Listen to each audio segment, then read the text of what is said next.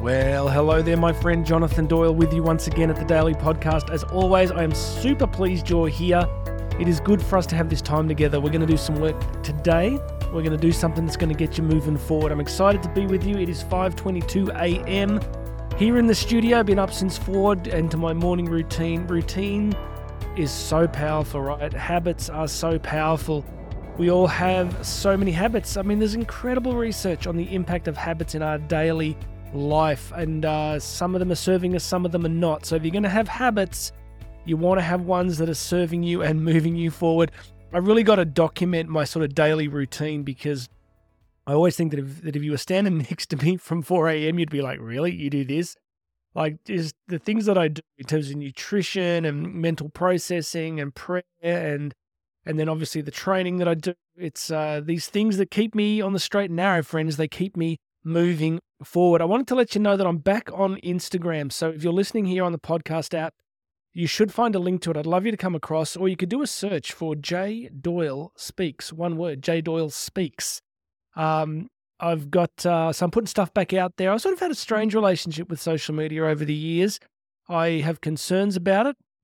But I think where I've got to is if a lot of people are going to use it, then I got to be there and I want to be serving people there. So please come and check it out. And I'm on LinkedIn as well. So I'll put both the Instagram and the LinkedIn links in this uh, episode in the links. So should, you should be able to click through. If you can't click through, something's gone wrong.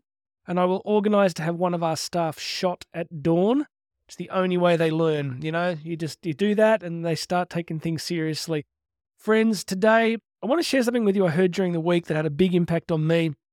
One of the things that I do in terms of my morning routine is I do not allow my brain to get away with much from the second I wake up. So I actually have a system where I have, I never have technology in the bedroom ever. So I have my phone you know, sort of out in the kitchen of a house somewhere. And next to it, I've got a great set of Bluetooth headphones. And then I get up, and I have this great app that I'm using at the moment called Mindset, which is just this cool app with that sort of syndicates some of the best motivational speaking in the world. And literally, I don't give my brain a second. From the second I wake up, I just put those headphones on and get that stuff into my head straight away. I think there's this kind of, you know, window that we get in the mornings where we are quite suggestible.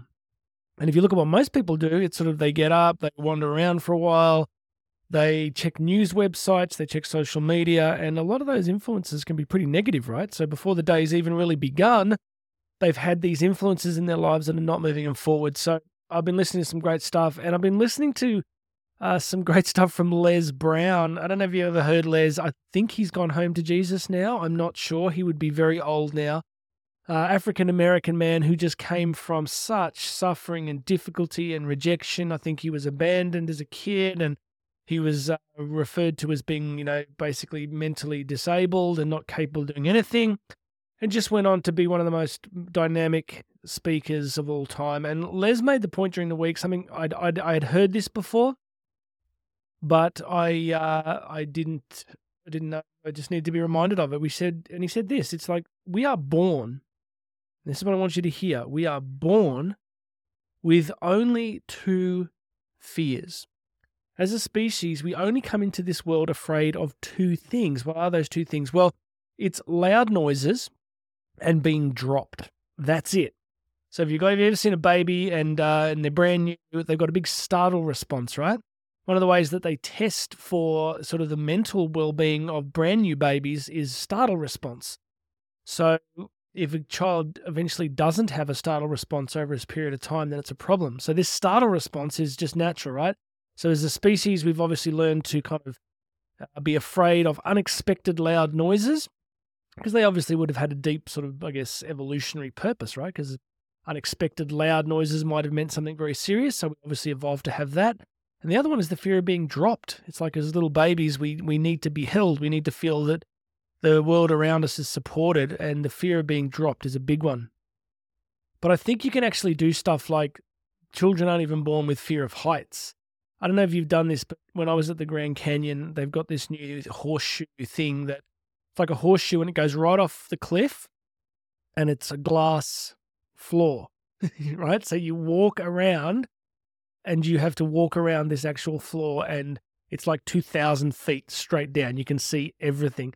I have a fear of heights. It's funny. I'm not in planes, not even on ladders. Like you, you can go up high places and nothing much bothers me, but this did. And so my kids are out there with Karen. And they're like jumping up and down and going, "What are you doing, Dad? Come on, Dad!"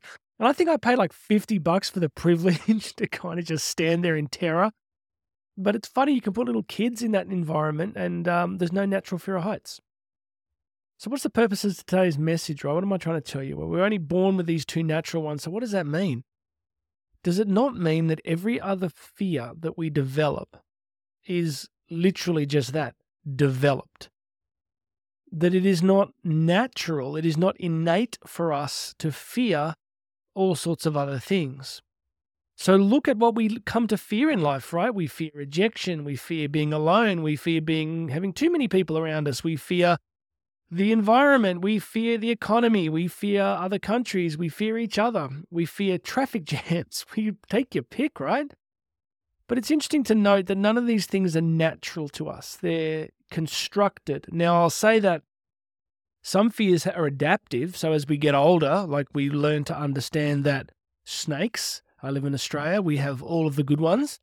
We learn to fear that some things are worth being afraid of. Like I'm pretty sure if you got a little kid, brand new baby, and put him next to a tiger snake, the baby would not have any concept of what's going on. You know, to just be like the baby it would just have no sense of, of the risk or the danger because those concepts don't exist for that child at that point. So, obviously, as we go through life, we do construct some fear around some things that can be useful to us. But I guess what I want to say to you in this episode is are the fears in your life really serving you? Are they realistic, if I could use that word? So, yeah, there are some things that we should want to avoid, but look at the fears that really do paralyze us. Fear of public speaking, you know, I'm a professional speaker, right? I've spoken to close to half a million people in live events around the world. And I get it. I sort of get because we have this fear that we'll get up there and that we'll do something wrong and that, you know, and, and it can be truly paralyzing for people. But the fact is that almost all the time that we speak. You know, even if we do a bad job, people are pretty accommodating. So I guess what I'm trying to say to you today is that we only come into life with these two fears. How many have we built? How many have we built? And, and of the ones that we've built, how many are actually necessary or serving us? So I want to invite you today to look into your life. Look into your life and have an honest conversation with yourself and say, what am I uh, truly afraid of? You know, one of the things that's been helping me as I get older is to realize that time is finite. To start to realize that we only have so much time before the music stops, right? Before it is all over. And I start to think to myself, if I don't overcome X fear in my life, whatever it is, eventually the time is going to run out and that fear will have had its way with me and will have had its impact in my life. So, my friend, that is my message to you today. Look deep into your life. What are you afraid of at the moment? You're afraid of being alone? You're afraid of being rejected? Are you afraid of being stuck somewhere? Are you afraid of being judged by people?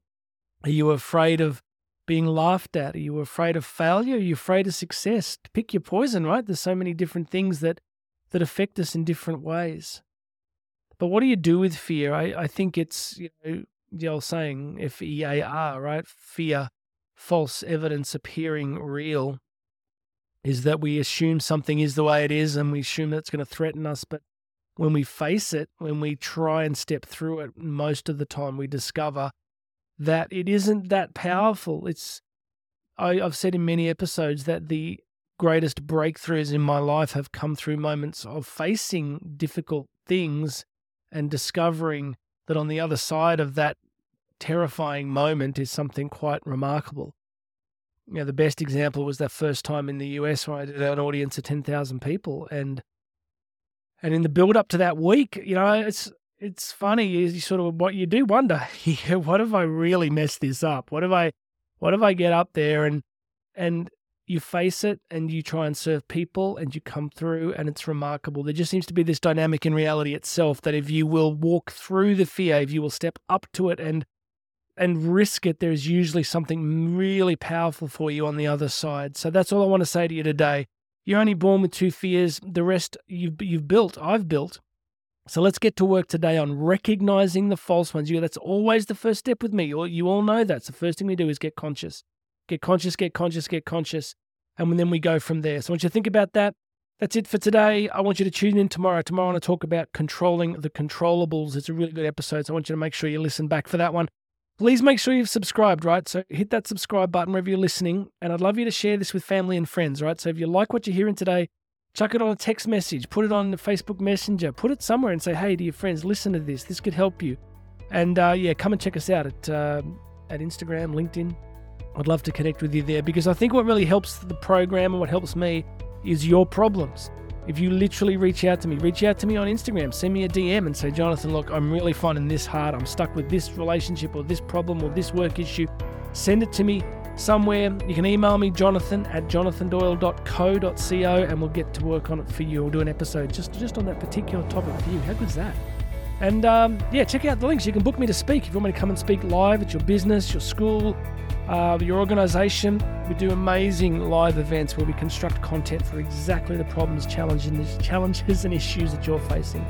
God bless you, my friend. My name's Jonathan Doyle. This has been the Daily Podcast. Go check out those links, and you and I are going to talk again tomorrow.